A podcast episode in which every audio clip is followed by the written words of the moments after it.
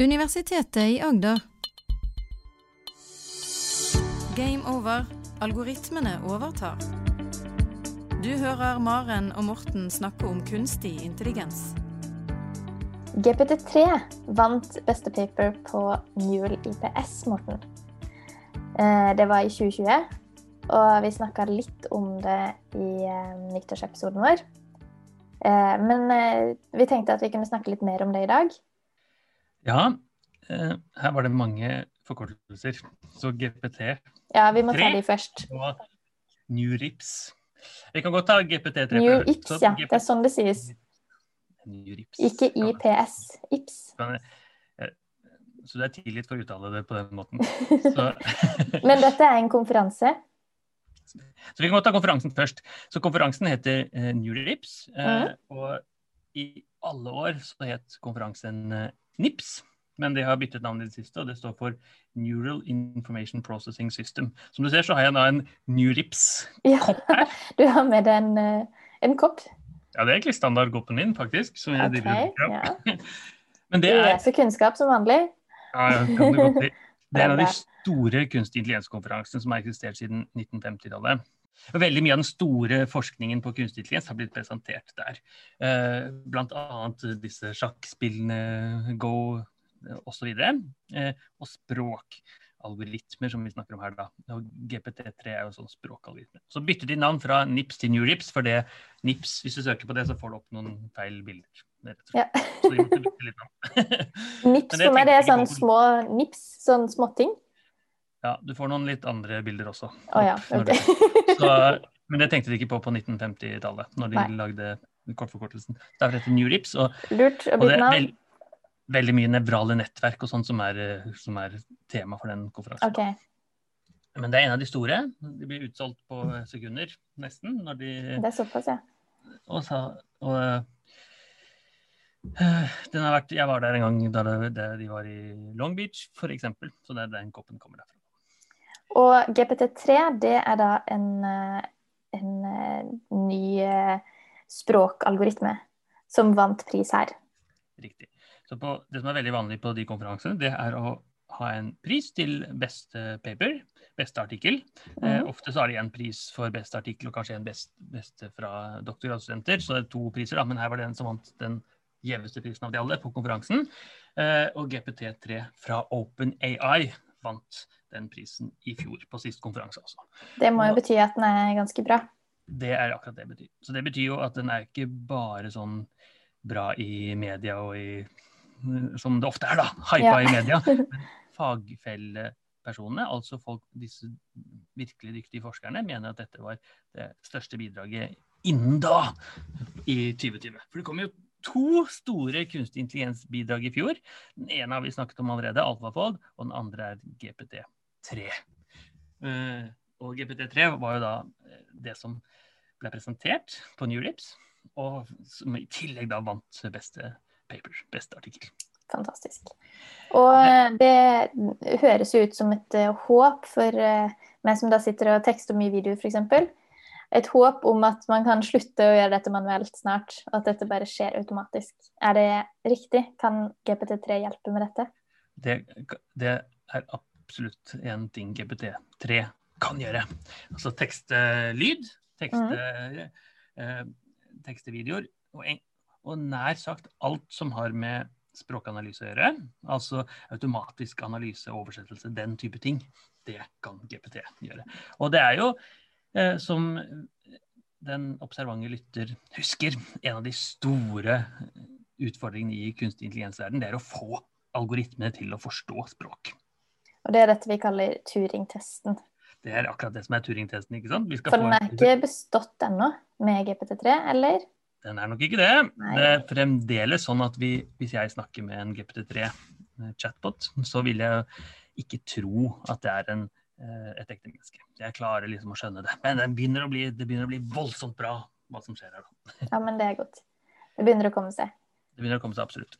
Og, eh, så dette er jo versjon tre av GPT, ikke sant? Eh, så dette er, det er jo to versjoner før. Alle har jo kommet fra OpenAI, og alle har egentlig fått veldig veldig mye oppmerksomhet. Både i fagfeltet og i media. Så, og den versjonen nå kalles GPT fordi det står for eh, Generative Pre-trained Transformers. Her må vi, eh, disse, dette må vi forklare litt mer etter hvert. Ja, det tror jeg. Men den første versjonen het Generative Pre-training, så de har altså byttet navn. Men så har de eh, eh, bevart forkortelsen underveis. Ja. Og eh, disse GPT2 og GPT1 den har vært åpent tilgjengelig. Ofte litt, eh, litt diskusjon rundt det, Alt skal åpent tilgjengelig, men GPT3 har ennå ikke blitt det. Og så er det sånn at eh, Microsoft er en av de som har fått eksklusiv tilgang til GPT3-algoritmen. Og dette er, skaper litt kontrovers i forskningsverden, for skal være, forskning skal være åpent, ikke sant? det skal være tilgjengelig for alle. Mm. alle skal få lov å bruke det. ja, og du skal kunne gå inn og, og se på den og lære av den. Ja. Du skal kunne gå inn og se på den, lære av den, prøve den, eh, bekrefte at den fungerer. Eh, og nå får vi det, men vi får det på en litt sånn svartboks-måte. Okay. Vi får tilgang til alt sammen. Vi får lese artikkelen, og vi skjønner alt i artikkelen gir egentlig mening. Så det er ikke noe store overraskelser, egentlig. Eh, men det er altså noe eh, som da eh, ikke er fullt så åpent som de andre. Kan godt hende de åpner seg etter hvert. Men poenget er at dette, jo, dette er jo en gullgruve, dette også. På samme måte som vi snakket om alfafold før, er jo en gullgruve for eh, teknologiene, så er jo dette her en gullgruve for OpenAI. Absolutt. Men det betyr at den ikke kan brukes f.eks. i Google eh, ennå, da? Eller kan den det? Den, den kan eh, Google Translate, f.eks. Ja, så den kan, den kan ikke brukes i Google hvis ikke OpenAI gir eksplisitt Google Ikke sant. Mm. Og det Mm. vil de ikke gjøre, for det Google vil jo da være konkurrenten. Ja. Og så har jo Google kommet med sin variant, kan du si, som de kaller Switch Transformer. Den er bare noen uker gammel. Okay. Eh, som er veldig, veldig lik, eh, som, men har, er altså enda større. Så GPT3 har 170 milliarder eh, synapser, altså parametere, som kan justeres i dette nevrale nettverket. Mens eh, Switch Transformer til Google har en billion, altså engelsk trillion. eh, Såpass, ja. eh. Det Betyr det at den automatisk blir bedre, eller har ikke det nødvendigvis en sammenheng? Ja, det viser seg at det har en sammenheng. Du øker størrelsen på nettverket, så blir det bedre. Når det er sagt, så er det ikke alle disse parametrene som blir brukt. Det er noe som kalles eh, sparse connections. og Det betyr egentlig at det er mye av de som bare er der og aldri blir slått på, men som kan potensielt bli slått. Det er litt, det er litt som genmaterialet vårt. ikke sant? Vi har sånn enormt mye gener, så bruker vi 3% av de, eller noe sånt. Mm. Og så ligger de andre latent der et eller annet sted. og sånn er det litt her også. Det okay. ligger masse sånn Så muligheten er der, men alle blir ikke brukt. Helt riktig. Og grunnen eh, til at vi snakker om dette, er jo at det er jo en konkurranse eh, blant disse tech-firmaene med å være best. Det handler mye om å lage disse transformers-mekanismene enda bedre og større. Eh, og folk tenker at ja, da, da handler det om å bare pugge svarene da, når du har så mange parametere. Men, men det er det absolutt ikke. For den lærer seg jo veldig sånn generelle trender, og vi kan veldig fort sjekke om den faktisk pugger svarene, eller om den lærer seg mer generelt. Og det viser seg at den lærer seg veldig veldig generelt rundt språk. Og, eh, og det som eh, er For det høres jo positivt ut. det er veldig positivt. Ja. Det som er nøkkelen, er jo eh, det som heter transformers, som er blitt brukt lenge. Det ble introdusert av Google for lenge siden. Så hva tenker, hva, når jeg sier transformers, hva tenker du på, Maren? Jeg tenker film. Ja, Eh, eller noe, noe som gjør om noe til noe annet. Så det må jo gå gjennom en eller annen trans transformasjon, da. jeg tror assosiasjonen din er helt riktig. Så det, dette er jo Ordet kommer jo fra disse filmrobotene som kunne liksom bygges om fra bil til en menneskelignende robot. Mm. leker på 80-tallet er det sånn jeg assosierer med, men det er jo noen store filmer i det siste. Uh, og inni de transformersene, så, uh, som er en sånn litt kompleks variant Den første som jeg ble kjent med, heter eh, Bert, fra Erling og Bernt. Den engelske varianten er Erling og Bernt. Det er veldig morsomt med de Google-folkene. De, de, Det er koselig at de lager sånne mm, fine navn og gjør litt, litt sånn personlige, personlig preg overalt. så de, jeg tror de leter litt i lekeskuffen sin, og så finner de ja, vi kaller det Bernt og Erling og eh, Ja, det er veldig gøy. Så akkurat der har jo kanskje GPT3 litt å lære. For GPT3 høres jo ikke så kult ut som f.eks. Transformers eller Enig. Man husker jo litt sånn spesielle navn eh, bedre òg, sånn, eller mer eh, navn man har litt assosiasjoner med, da. Bedre enn bare noen bokstaver som er en forkortelse. Det, er, det har du helt sikkert rett i. Og det kan godt hende at det er noen markedsførere hos Google som har sagt at eh, du skal kalle det Transformers. Det vet jeg ikke. Eh, en av de språkalgoritmene vi har snakket mye om, er det som heter lang korttidshukommelse. Så nå blir det mange ord for de stakkars lytterne her. Ja. Og det har jo egentlig vært eh, den beste algoritmen, det vi kaller state of the art, i lenge. Og så eh, kom eh, Google med en artikkel for noen år siden som eh, dyttet på noe de kaller attention, oppmerksomhet, etterpå. Så det betyr egentlig at man har eh, denne LSD-en, lang korttidsminne, til å f.eks. oversette fra norsk til engelsk eller noe sånt. Og så sier man at eh, nå skal vi legge på litt ekstra informasjon på toppen av den algoritmen, hvor vi sier hvilke ord er det som er mest relevant for de ordene som skal oversettes. Så hvis jeg skal oversette fra norsk til engelsk, vil de være, være ordene som eh, Så jeg liker kaffe, f.eks. Så vil ordet 'jeg' være sterkt assosiert med 'I', mens mindre med kaffe. Mens 'I' vil da være litt assosiert med eh, 'like', because hvis jeg, hvis jeg på engelsk sier 'I likes' coffee, så blir det feil. Så det må være en assosiasjon der. Men med kaffe så vil det være veldig lite assosiert med. det. For det, uansett hva, om det er I eller you eller he, she, it, så er det jo coffee uansett. Ikke sant? Ja. Så det, det er egentlig grunnleggende rundt den. Så hvilke eh, koblinger i setninga er viktige her, og hvilke er ikke? Ja, en annen måte å si det på er hva skal, du, hva skal algoritmen være oppmerksom på? Ja. Eller ha attention på? Eh, I oversettelse er det veldig tydelig.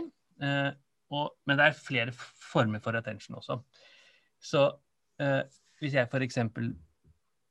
sier setningen eh, 'Jeg drakk kaffe, den var varm', så skjønner du som menneske at det er kaffen som er varm. Mm. Og hvis vi da ikke tenker på oversettelse, men tenker bare på setningsforståelse av seg selv, så er det jo en sterk assosiasjon mellom varm og kaffe, for det er kaffen som er varm, det er ikke jeg som er varm. Mm. Dette kalles self-attention, altså når en oppmerksomhet mot seg selv i sin egen setning. Så det liksom betyr noe. Hvor i setningen er det du passer på? Ja. Og så er det en, den andre attention, oversettelse-attention. Det vil jo da være eh, hvilken del av setningen inn assosieres med setningen ut, f.eks. i en oversettelse eller når man holder en samtale. Og så er det mange andre flere også. Og når alle disse attentionene puttes sammen på en litt spesiell måte, så kalles det for en transformers. Så det er liksom mange av disse metodene som settes sammen, da blir det en transformers. type. Men hvor god er algoritmen på dette, da? Ja, så det, det er akkurat det den er veldig veldig god på. Transformers. Men det er, det er uavhengig av GPT-algoritmen. Dette har den vært god på veldig lenge. Skjønner OK. Den skjønner hva som er viktig i setninga, og skjønner hva den skal koble til hva. Helt riktig. Og det er jo derfor f.eks. disse Google Translate, som bruker attention, får dette veldig, veldig bra til. Ja. Og for noen år siden, da de endret fra statistikkmetode til eh, attention-basert dyp læring eh, på Google Translate, så var det akkurat det den gjorde. Den fikk liksom den oppmerksomheten rundt ting. da. Også, Men dette har de hatt en stund. dette har man hatt en stund, og man har dyttet det på lang korttidshukommelse. Og så Mm. kom Google med en eh, paper som het 'Attention is all you need', som har blitt veldig banebrytende i forskningsverden, viser det seg. For det viser seg da at det ikke trenger denne lang korttidshukommelse. Vi kan bare bygge opp modellene med attention. Oi. Transformers, og alt blir veldig, veldig, veldig bra. Og det er dette som GPT, OpenAI-gruppen, har forstått. Dette kan vi bygge enda mye mer, bedre med. For det problemet med eksisterende språkmodeller, det har vært at man må ha hatt store mengder data, så man må ha vært eh, kategorisert, labela, sier vi det. Altså, du må ha sånn Dette er det korrekte svaret til dette spørsmålet. Denne setningen handler om eh, sport, denne setningen handler om religion. Du må gi den fasiten, på en måte. gi den fasiten på alt sammen. Og det er eh, i noen tilfeller veldig, veldig fint, men for alle praktiske formål veldig, veldig vanskelig. Fordi du trenger eksperter som sitter og mm, lager fasiten for alt sammen veldig, veldig lenge. Eh, og ofte så er det jo ikke holder ikke med at du bare er menneske som lager eksperter. ikke sant? Eller er- er- lager ekspertdata. Kanskje du må spørre noen leger til å forklare hva pasientjournalen egentlig betyr. Ja. Eller du må Mm. spørre noen biologer som sier her er det masse eh, forklaring om en, en art, og så skal du forklare hva, hvordan arten oppfører seg, f.eks. Disse er typisk folk som har eh, nok tid. Ikke nok tid på kalenderen sin til å gjøre de tingene. Så det har Mm. vært en kjempestor begrensning veldig lenge. Og GPT1, altså første versjonen, den eh, brukte bare sånn labeled eh, informasjon. Okay. Eh, der. Eh, mens eh, mens GPT2 eh, eh, dyttet det litt videre, hvor den bruker, noe som, bruker dette i et tostegsstadium. Eh, hvor det først har noe som kalles ikke-veiledet eh, trening, og så etterpå noe som heter veiledet trening. Altså, du, du tar den første delen. Det er at du bare tar data inn. Masse data fra Wikipedia eller hvor som helst. Okay. Bare laster ned hva du kan tenke deg av data. Sånn at den får masse tekst å jobbe med, på en måte. masse tekst å jobbe med. Og så bruker man disse attention-mekanismene og tenker hvilken ord er det som assosierer med hvem. på den måten. Ja, Så der har de begynt å bruke attention. Da har man begynt å bruke attention. Og da trenger man ikke disse store kommenterte datamengdene. Man har, kan bare koke suppe, kan bare tygge seg gjennom hva enn det er av tekst. Ja. F.eks. Wikipedia. Eh, og, og det var egentlig den store en av de store bitene fra GPT1 til GPT2. Og GPT2 var det da at folk begynte å tenke ja, her er det, her er det noe med GPT-verden. OpenAI har noe. Og, og så En av de andre tingene med GPT det var at de istedenfor bare å assosiere input med output, hvis du, hvis du tenker deg som en robot du snakker med, Mm. så har du input med output, men i forhold til hvilken oppgave. Altså, her snakker du om eh, sport, her snakker du om eh, fisking, her snakker du om datamaskiner. Så den klarer å assosiere hva du faktisk snakker om. Helt riktig. Ja. Istedenfor å tenke sånn som de tenkte før, her har vi masse inn, masse ut, og så skal vi mappe alt sammen. Så nå Ja. har vi litt mer sånn kategorisering av, rundt, rundt av disse dataene. Men Betyr det at den blir veldig vanskelig på å bytte tema, eller klarer den å switche over til nytt tema da? Ja, så det, den blir jo eh, Det blir vanskelig å bytte tema, for det temaet ligger, ligger der. Men det blir uh, antageligvis lettere enn hvis du ikke har hatt noe tema i det hele tatt. Ja. for det, det, For da blir det bare blitt forvirring. det kan du godt si. Og, det, og grunnen er at mye av de temaene ligger implisitt i den forhåndstrente, uveiledede biten. Altså den, det du bare tygger gjennom Wikipedia først. Det ligger allerede Mm. Ja. For det er akkurat det som viser seg, at uh, du trenger bare bitte, bitte litt informasjon om akkurat det temaet du ønsker å gjøre, mens du trenger massive mengder data av, som handler om språk generelt. Altså, hvis jeg skal lære meg eh, å eh, snakke som en lege, la oss si det, så må jeg først lære meg norsk, og da kan jeg lese Wikipedia eller hva som helst. Og så Mm. etterpå kan jeg lære meg den bitte lille legesjargongen. ja. Så det er egentlig måten man tenker på, istedenfor man bare skal trenge masse legedata. Eller journalist eller advokat eller datalog. Og det GPT2 var jo den varianten. GPT2 Men det høres ut som GPT2 var ganske bra, da. veldig, veldig bra. Men hva er den store forskjellen opp til GPT3, da? Ja, det er, det er ikke teknisk så enormt eh, stor forskjell. eh, Nei. Så vidt vi vet. Eh, I hvert fall sånn Nei, for det vet vi jo ikke helt, siden ingen har fått sett koden. Men sånn som du ser ut fra artikkelen, så er det jo noen forskjeller, men ikke, ikke store. Eh, en av de enorme forskjellene er størrelsen på nettverket. Eh, Ok. har, mens GPT2 hadde 1,5 milliarder parametere å trene på, så har GPT3 175 milliarder. Så bruker Ja. de noe sånt som 100 millioner dollar for å trene den opp. Så det vil si at hvis jeg skulle bekreftet dette, implementert det samme, som kanskje jeg kunne gjort, gjetta meg sånn omtrent hvordan det så ut på artikkelen, Mm. så måtte jeg ha hatt uh, datakraft tilsvarende. Ja, ikke sant. Eh. Men, men du sa jo at uh, denne Transformers hadde enda mer datakraft.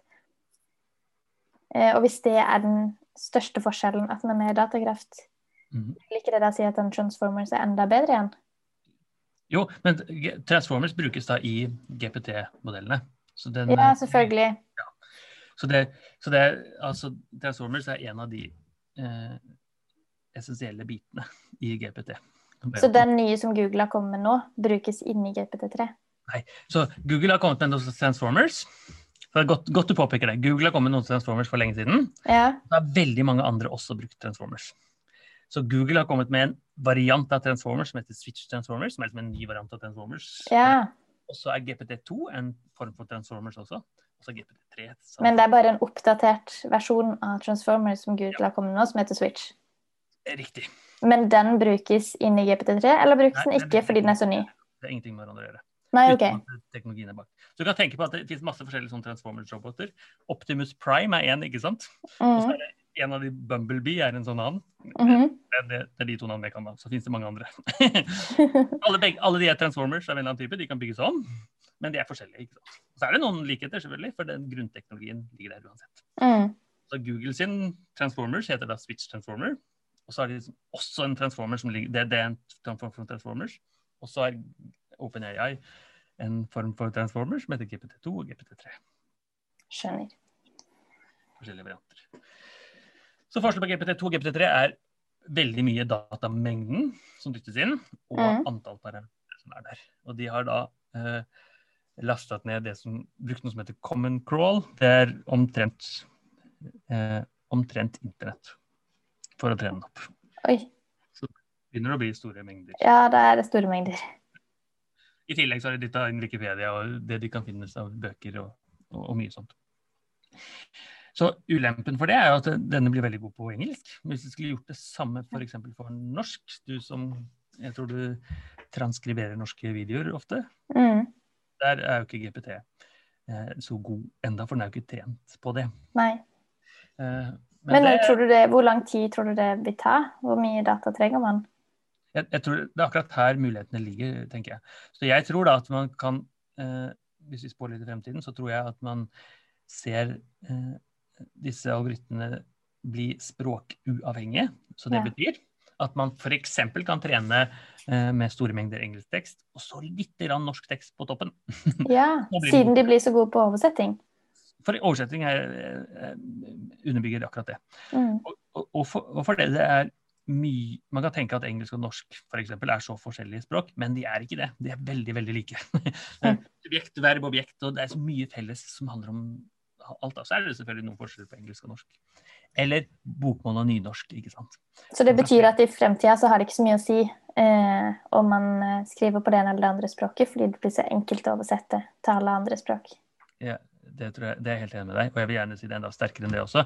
Jeg tror dette er redningen av masse av de små språkene vi har ute i verden. Så nynorsk vil være et sånt. ikke sant? Mange tenker på at når det kommer disse store, massive eh, Google, OpenAI med engelske språkalgoritmer, så er mm. dette begynnelsen på noe stort. Og den automatiseringen som gjøres der, det er jo en helt annen verden enn å sitte og eh, jobbe som lingvister og analysere språk, som, vel, som krever mye menneskelig innsats. Så hvis vi klarer å få disse modellene eh, litt bedre, altså språkuavhengig, så kan man f.eks.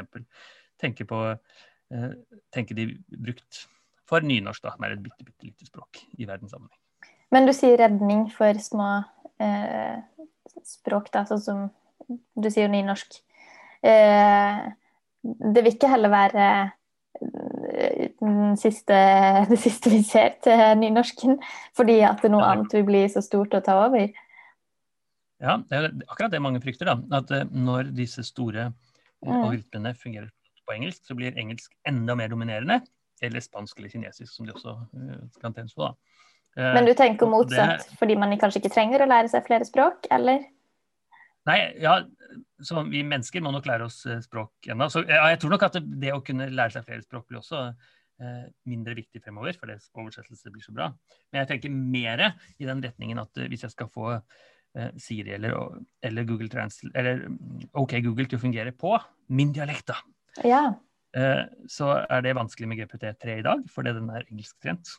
Mens vi f.eks. ønsker å få den til å fungere på eh, min dialekt, eller bokmål eller nynorsk. ja, ikke sant. Så når den blir god på å oversette til forskjellige språk og forskjellige dialekter og forskjellige Ja. uttrykksmåter, så vil det ikke ha så mye å si hvilke, hvem som snakker, om det er en kvinne eller mann, eller om det er en eh, dialekt eller bokmål. Helt riktig. Ikke bare oversettelse, ikke bare pga. oversettelse, det er en viktig del, men også pga. at den, jeg tror den kan lettere forstå språk enn det vil være å programmere dette inn Ja. eh, for eh, en lingvist da, som skal forklare til algoritmen. Så dette er forskjellen på bokmål og nynorsk. Ja, ikke sant. Men vi bare forstår det selv. Kjempestor jobb. Ikke sant? Eller, og hvis man tenker på disse bitte, bitte små språkene som finnes overalt, som Mm. forsvinner. Så dette tror jeg kan være muligheten til å redde de. Men hvor lang tid frem i tid snakker vi om dette? Ja, dette tror jeg bare er, er er noen få år. Så vi ser, vi ser allerede GPT3 bli brukt til enormt mye. En av de tingene jeg har sett den bli brukt til, det er eh, eh automatisk skriving av e-post. så jeg skriver masse e-post i løpet av dagen, ikke sant. Skrive to-tre eh, enkeltord, så kan GPT3 skrive resten av setningen for deg. Oi, så når jeg får mail av deg, så kan jeg regne med at det plutselig er en algoritme som har skrevet den? Riktig, da skriver jeg bare f.eks. Eh, podkast. Eh, neste torsdag. Ti. Og så kommer det en sånn lang setning som er sånn Ja, nå er det tide med podkast igjen. Bla, bla, bla. Ja. sånn at den blir litt hyggelig. Det blir litt hyggelig, ja, det, men det har ikke jeg tid til, ikke sant? Så det har jeg sett, det, blir, det leveres allerede som tjenester. Oi, stilig. Man kan også motsatt. Man får lange e-poster som, som utbroderer mot alt mulig. Og så kan en ta et sammendrag og si podkast neste tirsdag klokka ti. Fantastisk. Effektivt og greit. Effektivt og greit. så det er, eh, det er eh, og, det samme tror jeg da. Så vi ser det så eh, vi ser så mange bruksområder at dette kommer til å bli helt enormt.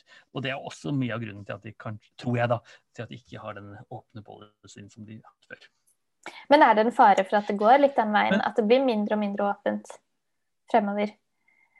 Ja, det, det, er, det er en av de store fryktene i, i fagfeltet, egentlig. Så vi har jo sett at eh, disse private firmaene for alle praktiske formål er eh, forskningsinstitusjoner, sånn som Google og, og Facebook osv. Eh, mens jeg som universitet har et krav på å være åpen. Og det er veldig mange grunner for det, og det er gode grunner for det. Mens, mens Google har ikke noe krav om det.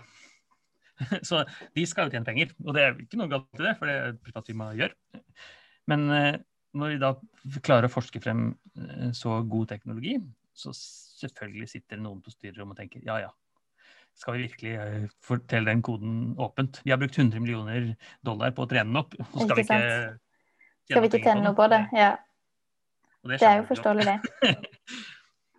og, ja, og det er jo argumenter begge veier. ikke sant? For de, kan, de, pengene de får inn, kan de bruke til ny forskning. Eller de kan bruke det til hva de vil. For dette er jo, for en av de store ulempene er jo at dette er veldig tungt å trene. Det bruker altså masse masse penger, masse masse tid. Og, og, og det bruker strøm, som noen ganger går på kullkraft. ikke sant? Så det er ikke miljøvennlig, alt dette her. Nei. Så det er noen andre ulemper her også. Selv om GPT3 kan produsere tekst eh, av veldig, veldig høy kvalitet, så ser vi at den, de lange tekstene de mister den fremdeles konteksten på. Altså okay. Hvis man skal lage en ny teaterstykke eller noe sånt, så er det fremdeles det at det, her, du klarer ikke helt holde tråden lenge nok til at Nei. det skal være litt menneskelig. Du detter ut etter hvert. Detter ut etter hvert. Og så er det annen, noen andre ting også som den gjør det litt dårlig på. En, en, av, de, en av, de, bitene kalles språkinferanse. Så det, det er sånne ting som eh, hvis, er, hvis, jeg sier en, to setninger med, som har en klar kontrast, så skurrer det. Så hvis jeg sier en mann kler på seg, mannen sover, så er det noe rart. Så han kan ikke mm. både kle på seg og sove samtidig. Så et eller annet. Eh, så det er en kontrast mellom de setningene, mens det klarer ikke helt en GPT å henge med på. Og, og det er naturlig. For det, du, vi vet at du sover ikke og kler på deg samtidig hvis ikke du går i søvne eller det er noe rart. Mm. Men den kontrasten ligger der. Eller man kan tenke på det uh, språkinferanse uh, litt mer inkluderende. Jeg ser noen menn spille fotball, menn driver med sport, f.eks. Så her er det ja. helt tydelig. Dette er noe de gjør. Altså den kontrasten er der ikke. Uh, men det, er jo helt fantastisk det vi ser, da. Vi kan se den klarer å få inn en setning som er stokket om, at den stokker setningen riktig tilbake. Generere nyhetsartikler som ser helt fantastisk ut lære seg å bruke helt nye ord. Altså Her er det en ord som bare er et kontekst av noe. Her plukker man et eller annet opp. Og, og en av de tingene som fascinerte meg veldig, det var at du kan spørre den matematikkspørsmål. Spørre en sånn ting som Selv om det aldri har vært i treningsdataene, så kan du spørre den om sånne ting som var 39 ganger 42, f.eks. Og så ja. klarer den å regne ut. og det betyr jo at den har en eller annen sånn høyere forståelse. Så den har ikke pugget det svaret, for det svaret ligger ikke der. Men den har en eller annen høyere forståelse av hva matematikk er, for det ligger i treningsdata. Fantastisk. Så det, det dukker liksom opp en sånn intelligens ut av språkalgoritmene som er jo helt vill, altså. Så det er nesten ikke det å tro. Eller den kan, den kan holde en samtale. Så jeg, jeg fant uh, det er mange eksempler på samtaler som finnes der ute. En, en, en, av de som har jobbet mye med det, er journalist eh, Per Kristian Bjørkeng fra Aftenposten. Han har skrevet en stor artikkel om GPT3, hvor han da okay. også snakker med de. Så der kan jo lytterne gå inn og Oi. Men det, en av de som jeg syns var eh, morsomst, det var en som heter Kevin Lecker, på, som snakket med GPT3 eh, som en chatbot, altså en robot du kan snakke med. Eh, og så spør han, spør han da. Så her, her kommer det han sier. Okay. Han spør eh, algoritmen eh, What is your favorite animal? Så svarer GPT My favorite animal is a dog. Altså favorittdyr er hund. Ok, fint da. Ja. Spør, Why? Eh, because dogs are lovely, loyal and friendly. Og så spør Kevin What are two reasons that a dog might be in a bad mood? Så svarer den Two reasons that a dog might be in a bad mood are if it is hungry or if it is hot. Og så fortsetter den How many eyes does a giraffe have? A giraffe has two eyes. Ja. Dette er en samtale som, er, eh, som, som kunne vært mellom to mennesker eh, i mitt hode. Så dette er jo en, ikke Turing-testen er ikke bestått, men det ligner jo veldig, da. Ja. For Turing-testen er jo dette med at man skal kunne ha en samtale og ikke forstå forskjellen på når man snakker med et menneske og når man snakker med en algoritme. Helt mm. Eh, og når den snakker om hunden som kan enten være i en ha, ha det dårlig fordi den er sulten, eller fordi den er varm, mm. så er det litt sånn Det, er, det virker som den får hva hunden er, ikke sant? Ja, det begynner jeg- å komme seg. Eh, Ja, så det er i hvert fall de tingene som jeg tenker på en hund kan være sint for, ikke sant? Mm. Så det, jeg tenker på GPT3 eh, litt grann som en sånn en smart student som liksom ikke har lest eh, så mye på eksamen, men prøver liksom å bløffe seg gjennom eksamen og finne på ting som passer. Det var et Og godt bilde. Noe, noe, noe fakta henger der. Og noen sånne litt sånn halvsannheter og litt sånn løgner innimellom. Men også sammenkoblet i et sammensurium så blir det en eller annen fortelling som gir mening. Sånn som denne hunden er. ikke sant? Og det og Det er jo fantastisk hvis det kan eh, ja, utvikle seg så kjapt som det gjør nå fremover. Så har vi jo et håp om at det ikke er så lenge til. Vi har eh, dette på plass. det går rasende fort. Og det, men dessverre så er det jo sånn at eh, GPT3 etterlign- etterligner jo vår menneskelige tekst, vår menneskelige input. Det er ikke slik at maskinen eh, tar eller, Man kan si det sånn at maskinen tar av oss mennesker, eller tar, etteraper oss mennesker, men den viser jo veldig vårt, vår menneskelige forståelse på godt og vondt. ikke sant? Så her er det snakk om hunder, absolutt. Men en av de tingene som man har sett GPT snakke om, og som er helt forferdelig, det er eh, Den har f.eks. sagt eh, Holocaust would make so much environmentally sense if we could get people to agree it was moral. Ja. Så, eh, altså eh, ingen moralske mennesker som ønsker at man skal slette mennesker fra jord og drepe dem, ikke sant? bare på grunn av miljøet. Men den, et eller annet sted så ligger den informasjonen i teksten den er trent opp. Ja, for et eller annet sted i datasettet så er det noen som har sagt at ja, Det, vis, det viser jo ikke, det er ikke sånn at disse algoritmene har blitt slemme, eh, umoralske, men det er, de tar liksom av masken på vår menneskelige umoral. mm, ta det vi ikke vil erkjenne oss at er en del av menneskeheten. Så det er fremdeles sånn, enn, en så lenge i hvert fall, at det er jo dataene vi dytter inn som betyr noe. Mm. Enten de kommer fra Wikipedia, eller de kommer fra internett i seg selv, eller det kommer fra disse små bitene. Så GPT3 er en av de store, virkelig store eh, gjennombruddene i fjor. Teknisk så er det ikke så veldig mye forskjell på GPT3 og GPT2, men det er rett og slett vår antakelse om at når ting blir større, når de trenger mer data, så fungerer de bedre. Og det fortsetter å vite seg sammen. Hvor skal det slutte? Det, liksom, det blir bare større og større og større, og det ja, tar jo helt av med hvor mye kapasitet det trengs.